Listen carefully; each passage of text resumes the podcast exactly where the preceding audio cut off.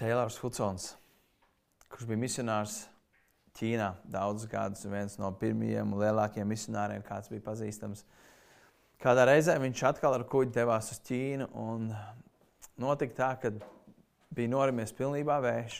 Viņi nespēja kuģi nekādīgi kontrolēt. Viņi jūt, ka straums viņi lēnām nesa uz kādu salu, jeb salu kopienu, kurās dzīvo kanibāli. Un viņi saprot, viņi mēģina visādos veidos mēģināt to kuģi dabūt ārā no šīs traumas, lai viņi netiktu vest uz krastu. Un pie šiem kanibāliem, kad viņi jau tuvojās, kad viņi varēja redzēt krastu, viņi redzēja, ka kanibāli jau sāk kurt uguni un, un dūmus. Un, un viņi saprot, ka cauri ir un kapteinis pienāk pie Taylora Hudsona. Viņš saka, Taylor, mēs esam izdarījuši visu, ko mēs esam varējuši. Vairs nav nekas, ko mēs varam darīt. Bet tad Taylors teica, ziniet, bet ir viena lieta, kas, ko mēs vēl neesam darījuši - lūkšana. Viņš teica, šeit uz kuģa mēs kopā esam četri kristieši. Ļauj mums katram iet uz savu istabu, un mēs lūgsim Dievu.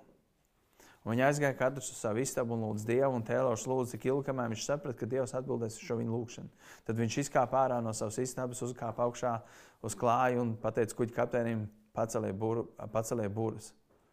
Mēs, mēs esam lūguši, mēs ticam, ka nāks vējš. Viņš teica, šreiz pilnīgi nekāds vējš nav. Viņš saka, mēs esam lūguši vienkārši pacelt būrus. Viņi pacēla būrus un pēc dažām minūtēm sāk pūst mērens vējš un tad jau stiprāks vējš. Un, un vēlāk jau tik stiprs vējš, kas varēja kuģi aiznest projām no šīs kanibāla salas. Un es domāju, šis ir viens mazs piemērs, pierādījums tam, cik daudz spēja lūkšana. Cik daudz spēja lūkšana, kas tiek lūgta ticībā. Un es domāju, mums, kristiešiem, Lūk, ticībā patiesībā ir šīs zemes lielākā paļaušanās un lielākais brīnums. Mēs, um, mēs vienkārši baidamies lūgt, mums trūks ticības. Mums liekas, bet ja es lūgšu un ticēšu, ka tas notiks, un ja tas nenotiks, tad es būšu aprāvies, es būšu pievīlies, Dievā, un tāpēc lielākā daļa cilvēku nelūdz. Vai ja viņi lūdz, viņi lūdz tādas lietas, kuras it kā notiek pašsaprotam, Dievs un dod man maizīt, un tas ir labi, par to jālūdz, bet tad, kad tas notiek, viņš saka, nu jā, protams, tas jau ir loģiski, Bet līdz ko tas mūsos prasa kaut kas no mums, kaut ko vairāk, mēs vairs neesam tik droši. Pagājušā svētdienā mēs skatījāmies uz tēmu par pacietību. Kā Jānis mums mācīja, kā būt pacietīgiem grūtos brīžos, pret grūtiem cilvēkiem un attiecībās pret Dievu. Mēs par to mācījāmies. Man liekas, tas ir diezgan loģiski. Un mēs esam nonākuši Jākapa vēstules 5. nodaļā. Un man tas liekas diezgan loģiski, ka pašas beigas viņš noslēdz ar lūgšanu. Jo pacietību no lūgšanas nevar atdalīt. Jo pacietībā mēs mācāmies lūgšanu, lūgšanā mēs mācāmies pacietību. Mēs lūdzam, mēs pacietīgi gaidām. Tad, kad mēs pacietīgi gaidām, mēs lūdzam Dievu. Tas vienkārši tas, tas lietas ir uh, saistīts viena ar otru. Un tāpēc šajā rītā mēs skatīsimies uz sešām dažādām lūkšanām, jeb sešiem dažādiem lūkšanas veidiem, kurus es redzu, kurš, kurus Pāvils, Pāvils Cik nedēļas jāsadien no Jākapa vēstules, lai beigtu pievienot Pāvilu. Pāvils sarakstīs pusi jauno derību, visu laiku Pāvils jaucās iekšā. Jākaps. Pēdējos astoņus pāntus mēs apskatīsimies šajā rītā. Un pirmā lieta, pirmais punkts, par ko mēs domāsim, ir, ir lūdzu ciešanās. Lūdzu ciešanās. Um, 13. pāns, Jākapa vēstules 5. nodaļa. Izlasīsim tikko pirmo teikumu daļu, kur ir rakstīts, ja kāds starp jums ir cietējis, lai viņš lūdz Dievu.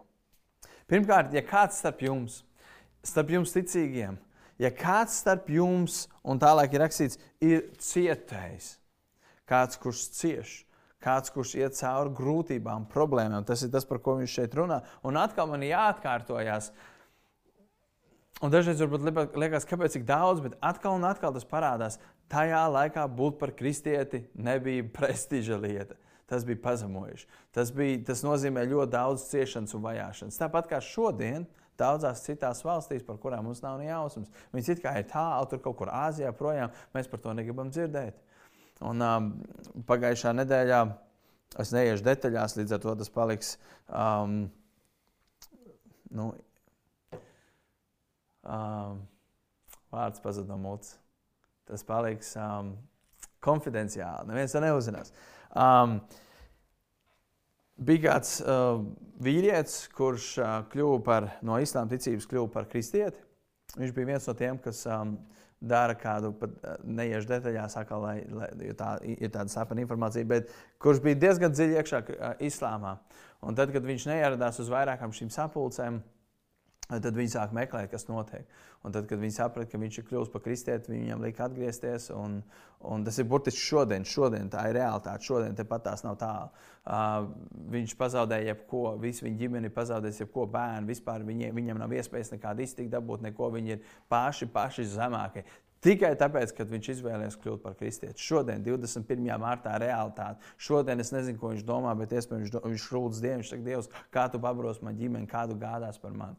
Iespējams, vienīgā opcija viņam ir doties prom no savas valsts, kurā viņš uzauga, lai viņš varētu reāli fiziski izdzīvot. Bet mums, protams, tie ir vienkārši, ah, nu tas jau tur ir tā, tas uz mani neatiecas. Bet tā ir realitāte šodien. Reālam onkulim vārdā nesaukšu ar sievu un ar bērniem realitāte šodien. Tikai tāpēc, ka viņš ir kristietis. A mēs, es varu šodien runāt uz jums, kas tiek pārraidīts pa visu Facebook vidi, jebkurā vietā pasaulē to var redzēt, YouTube. Un, uh, mēs pēc tam satiksimies Zoomā, un tur būs redzams jūsu sejas. Mēs to darām brīvi. Mēs iespējams nenovērtējam to brīvību. Tāpēc šeit ir rakstīts, kurš no jums ir ciešanās, tas lai lūdz Dievu.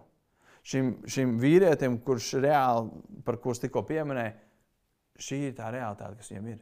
Viņš ir cietējis, viņš ir ciešanās, un viņam ir rakstīts, lūdziet Dievu.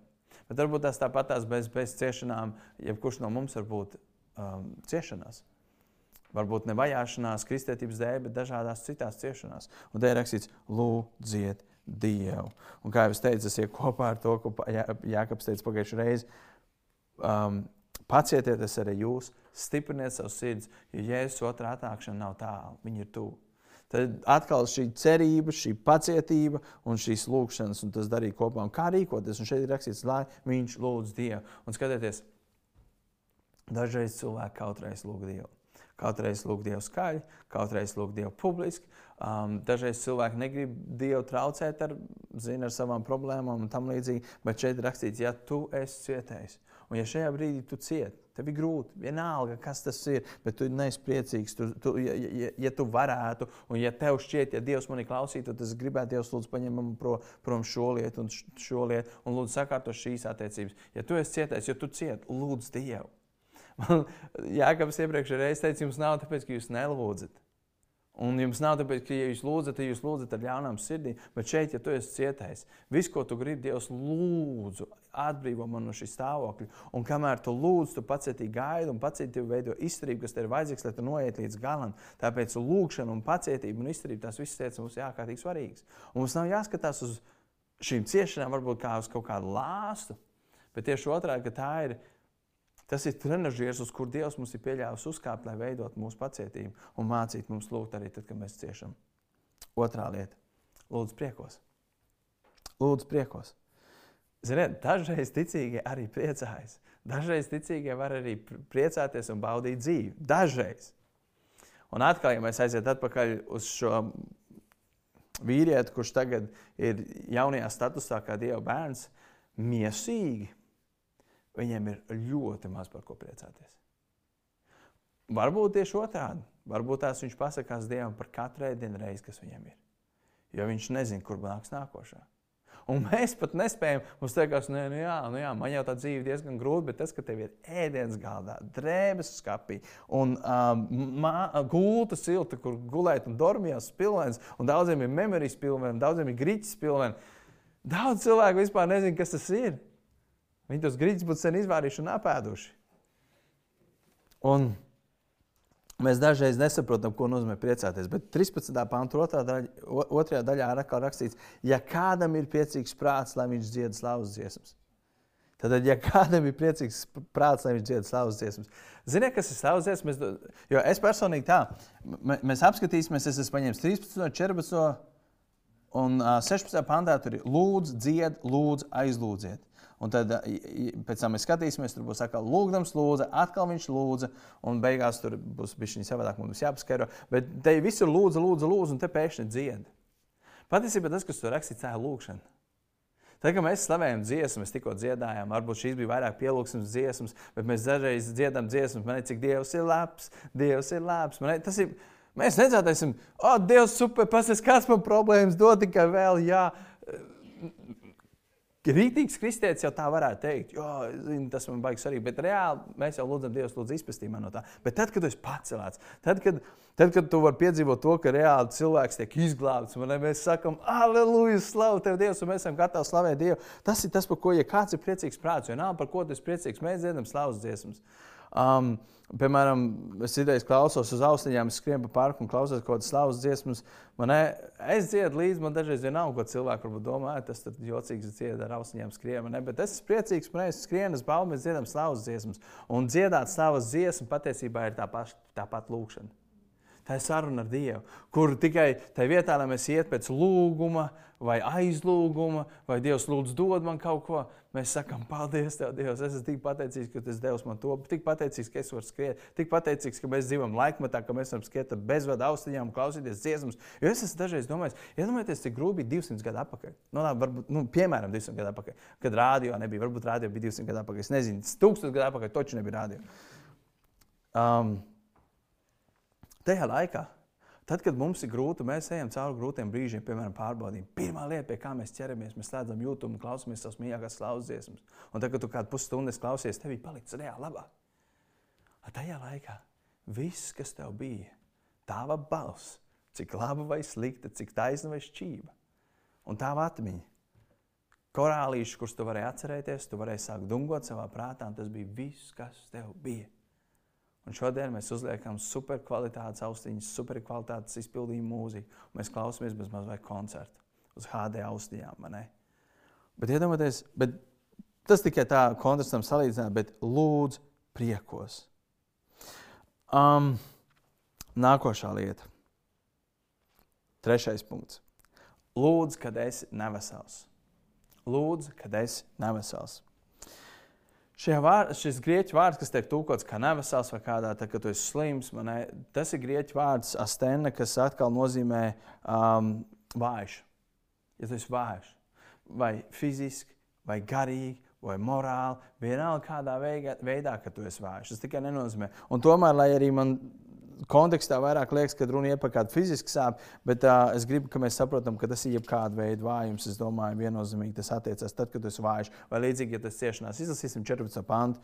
Ja kāds starp jums ir nevesels, lai viņš attaicina draugus vecais un tie, lai lūdz Dievu par viņu, jo uh, to svaidīdam ar eļu tā kunga vārdam. Šo Bībeles pāntu ir ļoti grūti izprast, tāpēc, ka mēs, kad viņu lasām, mums jau ir savi izveidoti aizspriedumi, jeb pieņēmumi, kā mēs šo rakstu vietu saprotam. Bet ļoti iespējams viņi nozīmē nedaudz savādāk, kā mēs to parasti esam sapratuši. Parasti mēs to esam sapratuši tā, ja kāds no jums ir slims, drūzis, tagad varētu teikt korona vai vēl kaut kāda cita slimība, varbūt vēzis vai vēl kādas slimības. Ja tu esi slims, tad zvani savam mācītājam vai kādam diakonam, vecajam, vai kādam citam ticīgam, dievlūdzīgam, kurš ir ļoti dievbijīgs, draugs loceklis, vai kur tu pazīsti kristieti, zvani viņam. Viņš atnāks, viņš svaidīs tavu galvu, tavu pieru ar eļļu. Ideālā variantā, ja viņi būs no Izraēlas. Un tad viņš par tevi pielūgs Dievu, un tu būsi vesels. Kaut arī tas tā ir kādos gadījumos, un kaut arī tas tā var būt. Es gribu, lai mēs ieraugām pirmkārt kontekstu, kādā kontekstā šī konkrētā raksturvieta ir rakstīta un kā viņa mums ir jāsaprot. Un viena lieta, kas šeit parādās, ir šī svaidāmā eļļa. Uh, un, un tā ir domāta burtiski, un tas vārds, kas tiek pateikts, svaidītam viņa ar eļļu, nozīmē burtiski iemēst, jeb iebērst viņa ar eļļu, saberzēt ar eļļu, fiziski paņemt un ieberzēt viņa ar eļļu.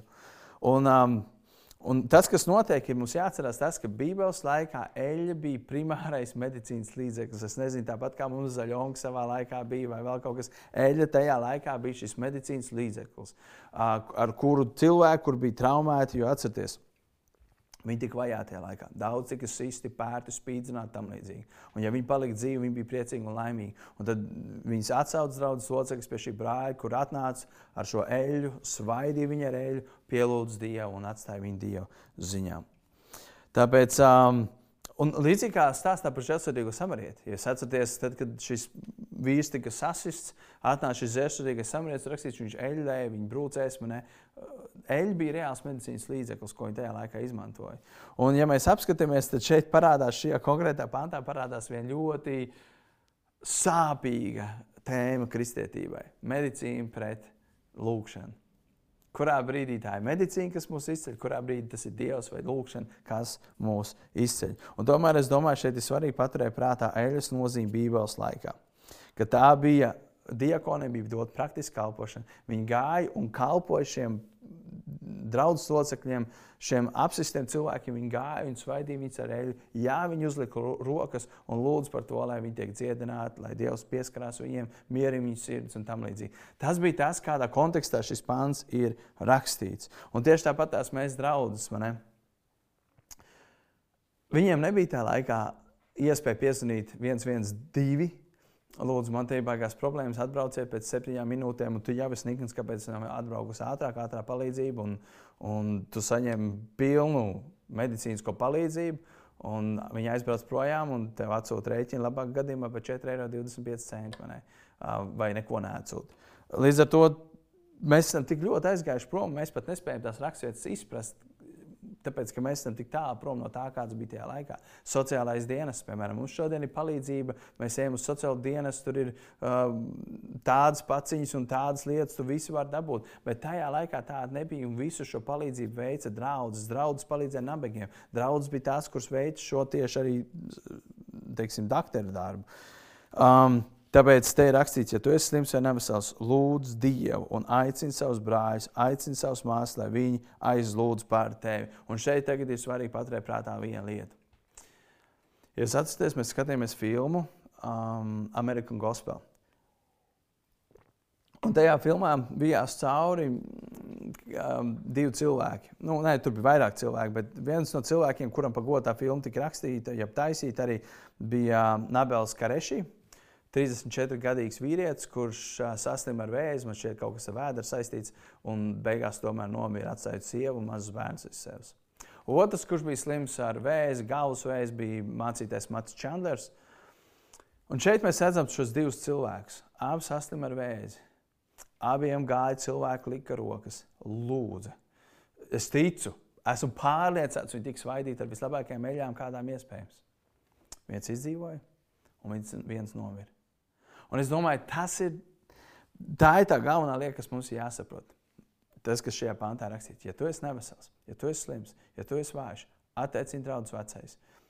Jā, viņi tev var svaidīt ar eļļu. Jā, tu vari iet un dabūt medicīnisko palīdzību. Un es negribu iesaistīties tagad diskusijā, diskutēt, mums ir jāiet uz, jāiet pēc medicīniskās palīdzības vai nav. Jā, mums ir jāiet, tāpēc, ka arī ārsti ir pateikuši. Tad, kad medicīna viss ir izdarījuši, nereti ir stāsts, kad ārsts, nevis medmās, bet ārsts pasakā, mēs esam darījuši visu. Lūdziet Dievu. Un tad, kad ārsts tev pasakā, nu es vairs neko nevaru izdarīt, lūdziet Dievu, tad bieži vien cilvēki ir panikā. Viņi saprot, ok, šeit var palīdzēt tikai brīnums, bet nu, mēs jau brīnumam neticam. Nerad tāda tā situācija. Tāpēc šeit ir ārkārtīgi svarīgi saprast, ka tas nav viens pret otru, bet patiesībā mēs darām vienu un mēs darām otru, bet visu to mēs uzticam Dieva rokās. Mēs uzticam Matu Čandleru, viņš izdzīvoja un šodien viņš vada savu draugu tika uzticēts Nabels Karešī, un Dievs viņu 34 gadu vecumā paņēma projām. Ārkārtīgi gudrs un zinošs, un liekas, Dievs, kāpēc? Tas ir šis zaudējums tavai valstībai. Un te ir tas, kur mums ir jāuzticas Dievam pilnībā. Jo nevienam netiek garantēta veselība, nevienam netiek garantēta izvesaļošanās. Mēs vienkārši uzticamies Dieva žēlastībai. Un šeit es gribu vēl vienu momentu pieskarties pavisam, pavisam īsi. Šī raksturvieta runā to, ka pirmā gadsimta kristieši viņiem bija slimības, viņiem bija neveselības problēmas, viņiem bija vajadzīga medicīnas palīdzība. Viņi nāca, viņi lūdza Dievu, lai Dievs viņus dziedina. Mēs ļoti daudz to redzam. Mēs to redzam Pāvila dzīvē, mēs to redzam vēl kādās dzīvēs. Un tas ir pierādījums pret tām mācībām, kuras māca to, ka kristiešiem nevar būt slimības. Es vēl vakar Facebookā lasīju toast, postu, es neticu slimībām. Nav tādas slimības. Un tas vienkārši parāda to, cik cilvēks var būt glupi, stulbs, ka viņš noliedz to, kas ir. Dažreiz tas ir, man, tas ir brīnums, ja cilvēks tic neredzamajam, bet neticēt redzamajam ir briesmīgi. Un daudz cilvēku ir nomiruši, tāpēc ka viņi nav ticējuši, ja atzinuši to, ko viņi redz. Un tāpēc šeit ļoti svarīgi saprast, ka pirmā gadsimta kristieši cieta ar slimībām. Mēs slimojam, mēs ciešam, kā dieva bērni. Tāpēc, ka mēs dzīvojam salauzts un grēcīgas pasaules vidū. Un pilnīga veselība pilnīgi brīvi no slimībām. Mēs būsim tikai augšā, debesīs. Šeit uz zemes mums būs ciešanas, mums būs bēdas. Mēs pat mirsim, mēs pat mirsim no slimībām. Daudz lielu vīri mirst no, no slimībām, no vēžiem, vēl bez kaut kā. Jā, mēs esam pakļauti šīm lietām šeit uz zemes. Labi, nākošā lieta. Ceturtā lieta. Lūdzu, kad esi kritis grēkā. Lūdzu, kad esi kritis grēkā. Neviens no mums nav imūns pret um, grēkā krišanu. Gan pret neapzinātiem grēkiem, bet īpaši arī pret apzinātiem grēkiem, kur, kuros mēs dzīvojam. Un um, 16. pāntā ir rakstīts, izsūdziet cits citam savus grēkus un aizlūdziet cits par citu, ka to pat dziedināti. Daudz spēja taisna cilvēka lūgšana, darbodamies savā spēkā. Izsūdziet cits citam savus grēkus. Es atceros, kāds gads atpakaļ gājis cietumā, apraudzīt ieslodzītos. Un, um, bija kāds cietumnieks, kurš man izstāstīja, kādu grēku kur viņš bija darījis, kā, kura dēļ viņš nesēdēja cietumā, bet bija kāds grēks, kur viņš bija darījis, un viņš nebija. Um, Viņš vienkārši nospieda tas grēks, viņa drausmīgi nospieda. Viņš teica, to es, es, es domāju, ka es varu atzīties tev tādā grēkā, un ka tu man netiesās, un varbūt aizlūgs par mani. Un viņš man izstāstīja šo grēku, un, un es nevienam to neesmu stāstījis. Es pa viņu pielūdzu, pēc tam es saku, ja tu atzīsties savus grēkos, Dievs, uzticīgs taisnums, viņš piedod, viņš paņems tev to projām. Un Jā, viņš pilnībā sēdās labāk. Jo tad, kad tu staigā viens pats ar grēku smagumu, Dievs to nav paredzējis. Tas grēks tev nospiež, tāpēc ir ārkārtīgi svarīgi, ka mēs varam dalīties. Te ir rakstīts, izsūdziet viens otram savus grēkus. Bija vēl kāds gadījums manā dzīvē, kad um, daudzus gadus, no kaut kāda 16 gadu vecuma uh, līdz pat divu gadu atpakaļ. Es staigāju ar ļoti smagu grēku sirdī, kur es biju izdarījis, bet es nebiju lūdzis atdošanu. Un visus tos gadus es ik pa laikam to grēku atceros. Tas bija kāds grēks, ko es biju izdarījis pret tēti. Viņš tajā laikā Līrijā dzīvoja. Es, viņam, es vienkārši biju pie mammas, un tieši mazā māsā nogāja garām, un, un, un viņi runāja tēti pa Skype un vienalga, ko tur. Un Es saprotu, nē, visi saka, iedomā telefonu, man bija jāpasaka, un es saku, tētim, klausies, reku tā lieta, tā grāka izdarīja tā. Viņš saka, es neko neatceros, māma arī smējās, neko neatceros. Man bija tāds, ej, nos, un visus šitos gadus es staigāju ar smagu sirdi. Liekas, kad es dzīvē apņemšos, ja spēšu atzīties savā grēkā, viņi neatcerās, un viņiem, viņi smējās. Man palika tik viegli. Es par to neesmu domājis. Tas vienkārši parāda to, cik svarīgi, ka mēs izsūdzam cits citam savus grēkus, ka mēs atzīstamies savos grēkos. Un tad tas otrs cilvēks var aizlūgt par mums un balsoties uz mūsu atzīšanos un izsūdzēšanu, pasludināt, ka mums ir piedots. Un tas ir ārkārtīgi svarīgi. Es to piedzīvoju savā dzīvē, un es esmu redzējis, ka citi cilvēki to piedzīvo savā dzīvē. Mēs to redzam arī Jūdas un Pēters stāstā. Jūdas divi mācekļi, abi nogrēkojas, varētu teikt, briesmīgi. Viens nodeva, otrs noliedzēja. Starpība nav nekāda, bet viens gāja un pakārās, un otrs gāja un lūdza atdošanu un saņēma atdošanu. Mēs redzam to, cik svarīgi ir tas, ka mēs atzīstamies, ka mēs izsūdzam savus grēkus. Tāpēc, ka Dievs zina, kāda mēs esam. Dievs zina, kāda mēs esam pēc grēkā krišanas, un tomēr Viņš mūs mīl. Dievs zina, kā grēks mūs nospiež, un tomēr Viņš caur Jēzu Kristu jau mums ir piedevis, un Viņš zina, ka mēs kritīsim, mēs grēkosim, un tomēr Viņš saka, ka Nāciet pie manis, es jums gribu piedot. Tāpēc Jēkabs saka, izsūdziet cit, citam savus grēkus. Pirmkārt, tāpēc, ka tev paliks labāk, un otrkārt, tāpēc, ka otrs varēs tev pasludināt un pateikt, ka tev ir piedots, jo Jēzus ir samaksājis. Tāpēc, ka sātana taktika Šajā lietā ir tāda, Sātans tevi pamudina uz grēku, viņš tev pagrūž uz grēku, viņš tev pieliek kāju priekšā, lai tu paklūpi, un tad, kad tu paklūpi, viņš atnāk un pīkst strādā, paskaties, kāds tu esi. Viņš tev paņem apsūdz, viņš tev apmelo, viņš tev vaino, viņš tev pazumo un atņem pilnībā jebkādu pēdējo cerību, lai tu justos kā pēdējais mēsls, lai tu justos, ka tu esi nodevis Dievu, ka tu esi pilnīgi nedrīkst, nekam nedrīkst, nekam nedrīkst, un lai tu bēgtu prom no Dieva. Lai tu domātu, ka tā, lai savā vainas apziņā, kas tev nospiež, tu bēg projām no Dieva. Kā rezultātā Dievs ir bēdīgs un Dievs sauc, nāc mājās, nāc mājās pie manis. Un cēlons priecājās, jo tu esi aizskrējis tālu prom un galvu vispār pat nespagriezis Dieva virzienā. Jo pēdējais, ko Sātans vēlās, lai tu iet pie Dieva, lai tu iet un lūg Dievam atdošanu. Kāpēc? Tāpēc, ka arī Sātans zina, ka pie krusta Golgātā ir samaksāts par visiem līmeņa grēkiem. Kad nav grēks, ko cilvēks varētu izdarīt, un Dievs teikt, tas ir par lielu, un Sātans zina, ja vislielākais grēcinieks ies pie krusta, viņš tiks atbrīvots un viņam tiks piedots. Un tāpēc Sātans dara visu, lai mēs ietu jebkur, bet ne pie krusta Golgātā. Un es iedošu tādu ilustrāciju. Tad, kad Sātans redz grēcinieks un iesim cauri visai vēsturei, no Ādams, Ābrahāms, Viņš saka, paskatieties, kāda viņa ir, kādā sakarā tu izglābi viņu, kādā sakarā tu izglābi Abrahāmu, kādā sakarā tu izglābi Dāvidu, kurš ir grēcinieks un slepkavs un laulības pārkāpējs, kādā sakarā tu izglābi, paskatieties, ko izdarīja visi Izraēla tauta, ka viņi bija tūkstoši. Es viņiem iedevu vienu alku, otru alku, trešo alku, ceturto alku. Viņi pielūdza mani visu laiku, viņi visu laiku atkāpās no tēmas, viņi visu laiku pārkāpa laulību ar tevi, viņi visu laiku pielūdza mani, nevis tevi, Dievs. Un, un, un mūs, tu, Tavā dzīvē, tu zini, kur tu pielūdz sātanu, kur tu nepielūdz Dievu, un kā tu maldies prom no Dieva.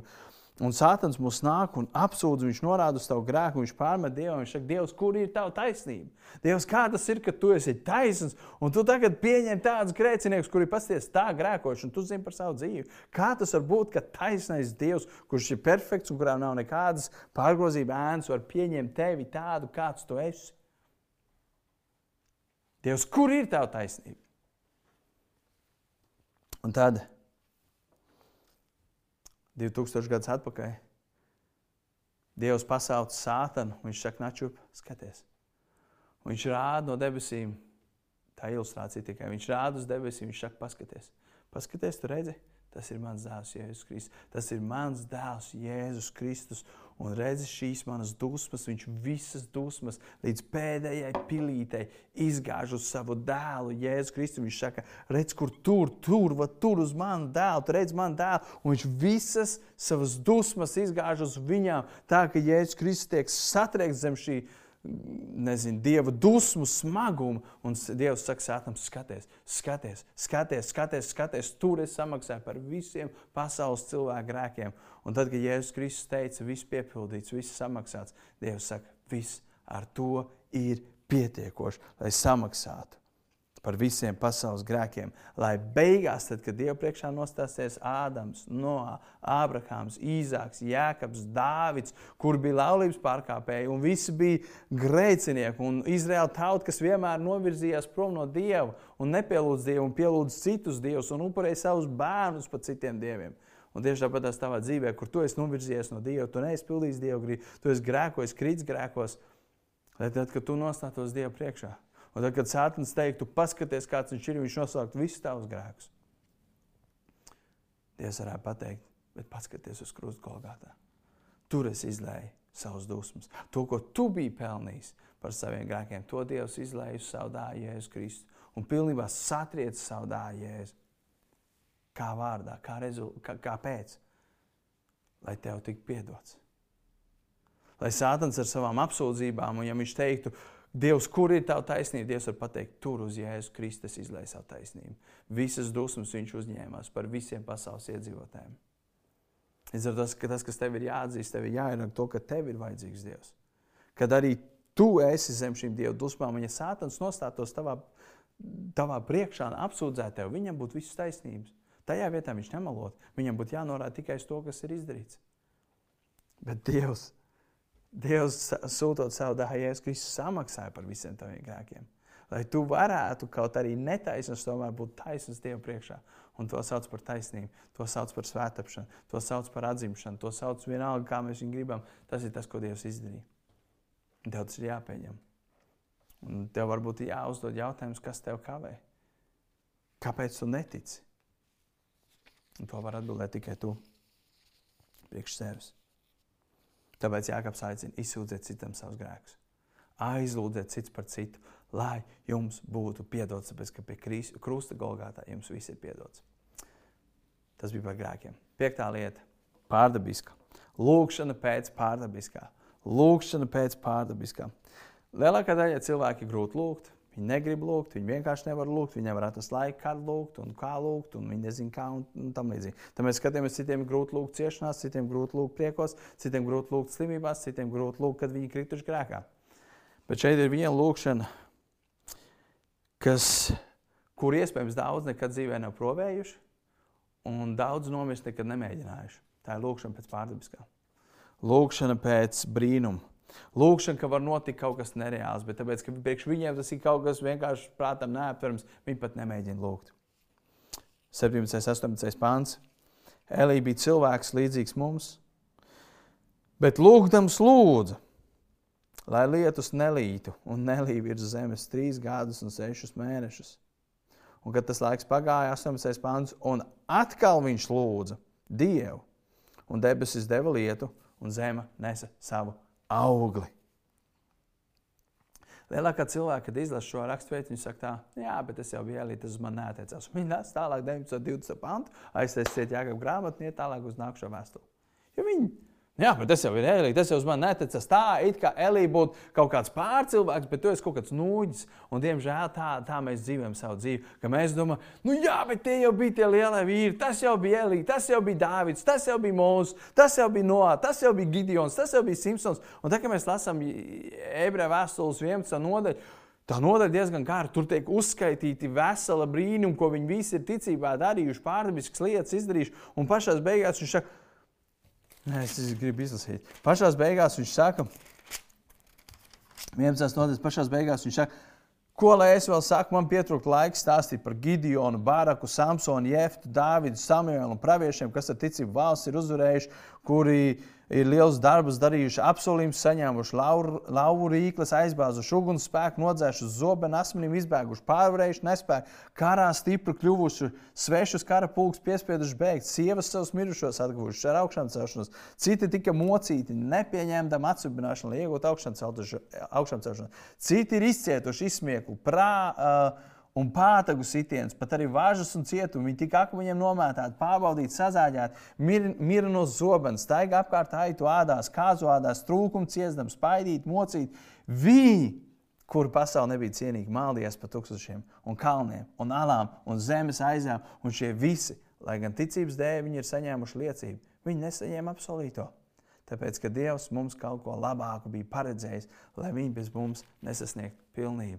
Šī rakstīja parāda to, ka ir čūpām cilvēki pasaules vēsturē, kuri dzīvojuši un piedzīvojuši brīnišķīgas lietas. Es lasu grāmatas par atmodām. Tad, kad es lasu par tām atmodām, man vienkārši liekas nopietni, kā tas ir iespējams. 3000 vienā dienā atgriežas, 5000 cilvēku atgriežas, tur brīnumi notiek un vēl visādas lietas. Un mēs nemēģinām nemaz lūgt pēc pārdabiskā. Un Sātans jau to grib. Lai tu par sevi un par citiem ticīgiem domā, ka Dievs liels lietas darīja tikai vecās derības laikā. Dievs jūru pāršķēla tikai vecās derības laikā. Dievs no mirušiem uzcēla tikai vecās derības laikā, un tad tur Jēzus un bija pirmie mācekļi. Bet mums ir jāsaprot, to, ka Dievs grib un var, un Dievs meklē kalpus un bērnus, kas ticēs lielam Dievam, kurš var izdarīt lielas lietas. Dievs nav bieži vien interesēts vienkārši parastās ar random lūkšanas. Jā, viņas ir labas un viņām ir jābūt daļai no mūsu dzīves, bet Dievs grib, ka būtu cilvēki, kur var lūgt pēc pārdabiskā, kur var reāli lūgt pēc tik lielām lietām, ka mēs vienkārši prātam to nevaram aptvert. Un tā iemesla dēļ mēs kā draugi esam apņēmušies lūgt pēc savām draudzes telpām, ja tas ir Dieva prāts. Mēs lūdzam pēc pārdabiskā. Mēs lūdzam, mums ir konkrēts telpas zvejnieku alijā, kuras mēs esam ieraudzījuši, ka tās varētu būt labas. Un, un es zinu, ka priekš daudziem tas ir kaut kas vienkārši, tas nav reāli, tie ir gandrīz, gandrīz miljons. Tas nav reāli, kur mēs, nabaga latvieši, varam dabūt naudu, ko saspiediesies. Bet, ziniet, ja mēs ticam, ka mēs varam lietas izdarīt savos spēkos, tad, protams, tur nav vietas brīnumam. Bet šis ir perfekts starts, lai varētu Dievs izdarīt brīnumu ne tikai manā dzīvē, vai tavā dzīvē, bet mūsu kā draudzes kopējā dzīvē. Un pat ja, un, un man šis patīk, un pat ja tas nenotiks, atcerieties, tad, kad šie trīs draugi, kurus gribēja iemest ceplī, viņi teica, cienījies, gribēju, tu zini, ka Dievs mūs var izglābt no tās uguns. Un pat ja Dievs mūs neizglābs, mēs tik un tā te nepielūgsim. Griezies kā gribi, met mūsu ugunī, nemet ugunī, mēs tev nepielūgsim. Un tieši tas pats ir šeit. Dievs, tu dos mums tās tāpas vai nedos mums tās tāpas. Es ticu, un mēs ticam, ka tu esi Dievs, kurš var darīt brīnums. Un ja tu gribi, tu darīsi, un ja tu gribi, tu darīsi savādāk. Bet mums ir jāmācās lūgt liels lūgšanas. Jāmācās lūgt, ka tad, kad tu kādam citam pateiksi, viņš savā sirdī padomās, tu esi stulbs. Tas muļķis. Ko tu esi iedomājies savā sirdī? Tie cilvēki ar, ar mazu ticību Dievam, bet mums ir jātic lielam Dievam. Un tas ir tas, par ko šeit ir lūkšana pēc pārdabiskā. Un pēdējā lieta, sastā lieta, lūdzu par tiem, kas ir nomaldījušies. Lūdzu par tiem, kas ir nomaldījušies kāda māsa mums kādu laiciņu atpakaļ stāstīja liecību par to, kā viņa, es gadu atpakaļ, apmēram gadu atpakaļ runāju veselu svētu un tieši par šiem diviem pāntiem, par 19 un 20, par to, ka mums ir jāatgriež atpakaļ tas, kurš ir novaldies. Un viņi bija dzirdējuši šo liecību, viņi stāstīja par to, kā viņa ik pa laikam lūdz par šo vienu cilvēku, kurš bija nomaldies, un tagad pavisam nesen kurš viņai pateica to, ka viņš ir atgriezies atpakaļ savā draudzē, un viņš ir ļoti, ļoti priecīgs un laimīgs. Un, un tas bija atkal aizdedzinājis viņas sirdi, ka viņi saprata, hei, bet Dievs tiešām atgriež atpakaļ. Tas reāli notiek, tas nav kaut kur tur tālumā vai Bībelē, bet reāli šodien, šajā laikā Dievs atgriež atpakaļ tos, kas ir nogājuši prom no ticības. Izlasīsim 19. un 20. pāns. Mani brāļi, ja kāds jūsu starpā ir nomaldījies no patiesības, un kāds viņu atgriež, tad ziniet, ka tas, tas kāds, kas ir atgriezis grēcinieku no viņa maldu ceļa, izglābs. Tas izglābs tādu vēseli no nāves un apklās grēku pulku. Tu vari iedomāties? Un lāst tā, ka tas ir, un tur nav kaut kāda apstāptā, apstāptās lietas. Tur ir rakstīts, ka tas, kurš viņu atgriež, tas izglābs tādu vēseli no nāves un apklās grēku pulku. Dievs man un tev uztic citu cilvēku dvēseles. Un mana un tava mūsu rīcība var ietekmēt, ja palīdzēt kādam atgriezties atpakaļ pie ticības. Wow! Tas ir īstenībā wow! Kas tā ir par atbildību, kas tā ir par priekšrocību, bet īpaši kas tā ir par uzticību no Dieva puses. Milzīga atbildība, milzīga priekšrocība, bet iedomājieties, Dievs, kurš ir radījis debesis un zemi, Dievs, kurš ir radījis visus cilvēkus, uztic tev un man citus cilvēkus, kas ir nomaldījušies, lai mēs viņus atgrieztu atpakaļ. Un šeit ir rakstīts, tad tu izglābsi viņu dvēseli no ēlas. Labi, šeit nevajag uzreiz zināt, sev uzspēlēt likt un zināt, jā, pēc citu zini. Ja tu būsi debesīs, tad tu būsi mans dēļ debesīs. Mums nav jāstaigā tā, jo mēs visi būsim tur tikai un vienīgi no Dieva žēlstības. Bet Dievs grib lietot citus ticīgos, lai citus atgrieztu atpakaļ no maldu ceļu un pie patiesības. Daudz cilvēku noklīst no patiesības, viņi pieķers mālu mācībām, viņi kļūst pasaulīgi, viņi sāk domāt kā pasauli, pasaules rūpes, viņas pārņem un vispārējais. Es atceros, kad es biju skolā, un šis ir daudziem. Tad, kad cilvēki ir skolā, viņi saka, nu, Es ar ko runāju, visi skolai bijuši čempioni savos laikos. Vienalga, vai tas ir skriešana vai tā vešana. Nu, jau savā laikā jūs varat pa pirmām vietām skrēt, bet es arī skrēju pa pirmām vietām. Un uh, tagad, kad skrēju maratons, garos gabalus, um, es atceros vienu konkrēto reizi, tas bija Daugavas stadionā. Starta sauciens, starts un sākam skriet kaut kā 3 km skrējienu. Visi pīpmaņi, visi aizeso garām. Es vienkārši šokā, kā viņi tik ātri var paskriet. Pēc dažām minūtēm Vēl līdz kalnam augšā nebijām tikuši, ka izstājās ārā, elpotam smagi. Jo viņi nevar paskatīt, viņi nebija sabalansējuši savu spēku. Un es mierīgi ar solīti aizskan garām viņiem. Kristietība ir maratons.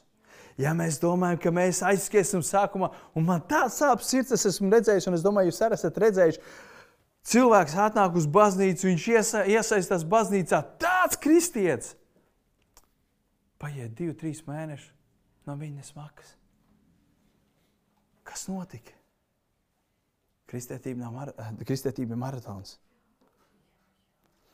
Un mūsu uzdevums ir atgriezt tos cilvēkus, kas maldās. Tos cilvēkus, kas ir nomaldījušies, atgriezt viņus atpakaļ. Vienalga, viņi padevās, viņi izstājās, viņi apstājās, viņi, viņi, viņi, viņi, viņi nometa tempu. Vienalga, kāds ir tas iemesls. Vienalga, kas bija tas iemesls, mums ir jāatgriež viņi atpakaļ par jebkuru cenu. Un te ir rakstīts, Dievs grib lietot tevi, jo tas izglābs tādu veselu no nāves, un tas apklās grēku pulku. Un, ziniet, piefiksēsim vienu lietu. Tad, kad šī draudzene saņēma jēkabu vēstuli, iedomājieties, viņi tikko saņēma, atskrēja skrej, skrējējis un atnesa. Es jums atnesu jēkabu vēstuli, viņš jums uzrakstīja vēstuli, un viņi lasa. Viennozīmīgi, labi, šodien izlasīsim vienu nodaļu, nākušo rītdienu. Viņi noteikti trīs reizes no vietas aizjāja apakaļ, ko viņš ir sākumā teicis. Jā, vovo, šī lieta ir laba. Un viņi noteikti vairāk stundas gāja cauri tajā vēsturē. Bet tad, kad viņi nonāca līdz pašām beigām, paši pēdējie divi vārdi, man viņš saka, man brāļi, ja kāds jūs starpā nomaldies un patiesībā kāds viņu atgriež, ziniet, ka tas, kas atgriež grēcinieku, un viņa maldu ceļu izglābs tādu veselu nāsu un apkās grēku pulku. Tad, kad viņi izlasīja, viņiem ir tikai vecā derība, viņiem nav jaunā derība. Viņiem ir tikai vecā derība. Tad, kad viņi izlasīja, viņiem uzreiz prātā nāca, viņi saka, ej, bet šito jau Ecehijāls teica. 33. nodaļa, 8. un 9. pāns. Ja es bezdievim saku, bezdievi, tev ir jāmirst, un tu nebrīdini bezdievu, lai tas atgriežas no sava jaunā ceļa, tad bezdievs gan nomirst savā noziegumā, bet viņa asins es atprasīšu no tavas rokas. Bet, ja tu būsi brīdinājis bezdieva, lai tas atgriežas no sava ceļa, tad viņš gan nomirs savu noziegumu, noziegumu dēļ, bet tu būsi izglābis savu dzīvību. Liekas, kāds man sakars Dievs ir ar viņu? Es atbildu par sevi, viņš atbild par sevi. Bet šajā rakstvietā parādās, Dievs saka, nē, nē, nē, nē. nē. Es gribu, lai jūs ejat un stāstāt. Es gribu, lai jūs ejat un brīdināt. Un varbūt tās konteksts šeit ir nedaudz savādāks, jo šeit viņš runā par neticīgu cilvēku. Šeit viņš runā par cilvēku, kurš ir uh, pilnīgs bezdievs. Viņš saka, ej un stāst viņam evaņģēli. Bet tagad, ko Jānis izdara, tas bija tas, ko viņš zināja. Un Jānis tagad saka tā, bet arī brāli, kurš ir nomaldījies. Nevis tikai bezdieva, bet arī brāli, kurš ir nomaldies no patiesības, ej un atgriez viņu. Un, ja tu viņu atgriezīs, tad zini, ka tu būsi tas, kurš viņu būs izglābis, atgriezis, un viņš tiks izglābts no ēlas, viņam grēki tiks piedot. Ir wow! Un viņi uzreiz teica, ej, bet tas Andris, ejam pakaļ viņam, ej, bet tas Jānis, ejam pakaļ viņam, un tur tā Santa, man, ejam pakaļ Santai, man, un tur tā, tur, ejam pakaļ viņam. Man, tas ir tas, ko viņi saprata, kas šeit bija.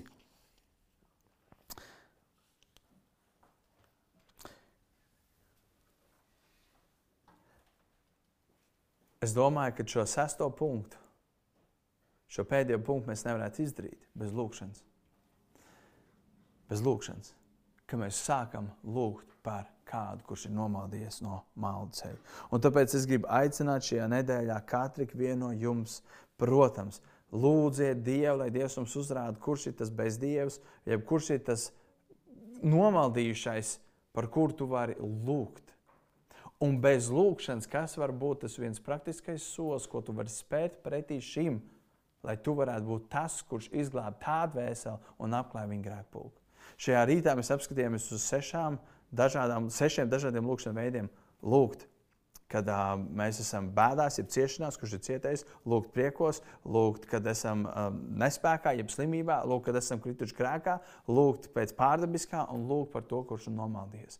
Sešas lietas, un, protams, mēs varējām runāt nākamās sešas nedēļas, ņemot katru šo vietu atsevišķi. Bet es šajā rītā gribu iedot šīs sešas un paskatīties, kā, kur no tām uzrunā tev visvairāk. Kas ir tā, kas tev uzrunā visvairāk, un ej pēc tās, bet viena lieta paņem, un īpaši šo pēdējo, tā kā bonusu dzenies pakaļ tam, kurš ir nomālies, un lūdz par viņu, lai Dievs viņu var atgriezt atpakaļ no māla ceļu uz patiesību.